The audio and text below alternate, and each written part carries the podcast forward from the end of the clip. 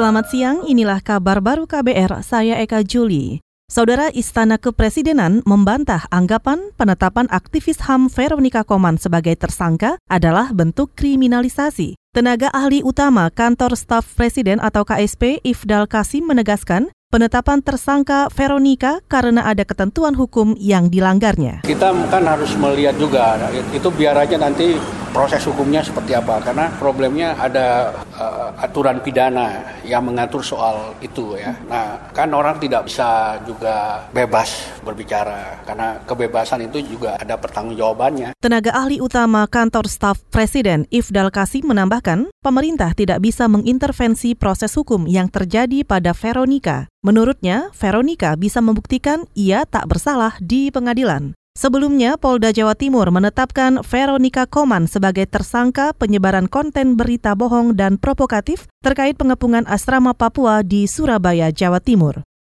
Kita ke soal Munir. Dewan Perwakilan Rakyat mengingatkan pengungkapan kasus pembunuhan Munir Said Talib merupakan hutang negara. Anggota Komisi Hukum DPR RI Arsul Sani mendesak pemerintah dan aparat hukum segera mengungkap kasus pembunuhan aktivis HAM ini. Arsul juga berharap anggota DPR periode 2019-2024 dapat membentuk tim pencari fakta baru. Ya saya kira kita harus tetap mencatat itu sebagai hutang yang sedapat mungkin harus cepat dibayar dengan menyelesaikannya. Itu tadi anggota Komisi Hukum DPR Arsul Sani. Aktivis hak asasi manusia atau HAM Munir Said Talib dibunuh menggunakan racun arsenik ketika ia dalam perjalanan dari Jakarta menuju Amsterdam pada 7 September 2004. Dan tahun ini, kasus pembunuhan Munir genap berusia 15 tahun. Namun, dalang pembunuh belum terungkap.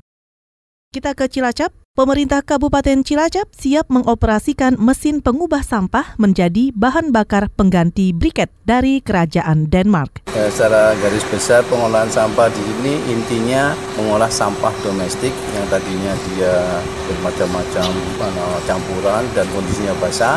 Kapasitas yang sekarang kita operasionalkan 120 ton per hari. Tapi kita punya mesin dimaksimalkan dalam kondisi optimal bisa 400 dan bisa dimaksimalkan lagi sampai 600 ton per. Saudara itu tadi Kepala Bidang Pengelolaan Sampah Dinas Lingkungan Hidup Kabupaten Cilacap Hartono. Hartono juga menjelaskan total sampah yang dihasilkan di seluruh Cilacap mencapai 350 hingga 400 ton per hari. Kita ke informasi olahraga. Petenis belia asal Kanada Bianca Andreescu mengamankan tiket ke final US Open setelah menaklukkan Belinda Bencic dalam pertarungan di New York hari ini. Andrescu yang sebelumnya telah memenangi gelar di Indian Wells dan Toronto 2019 melepaskan pukulan-pukulan yang keras untuk menaklukkan lawannya. Pada partai final nanti, Bianca Andrescu akan menghadapi idolanya sendiri, yakni pemain senior tenis asal Amerika Serikat Serena Williams. Saudara demikian kabar baru, saya Eka Juli.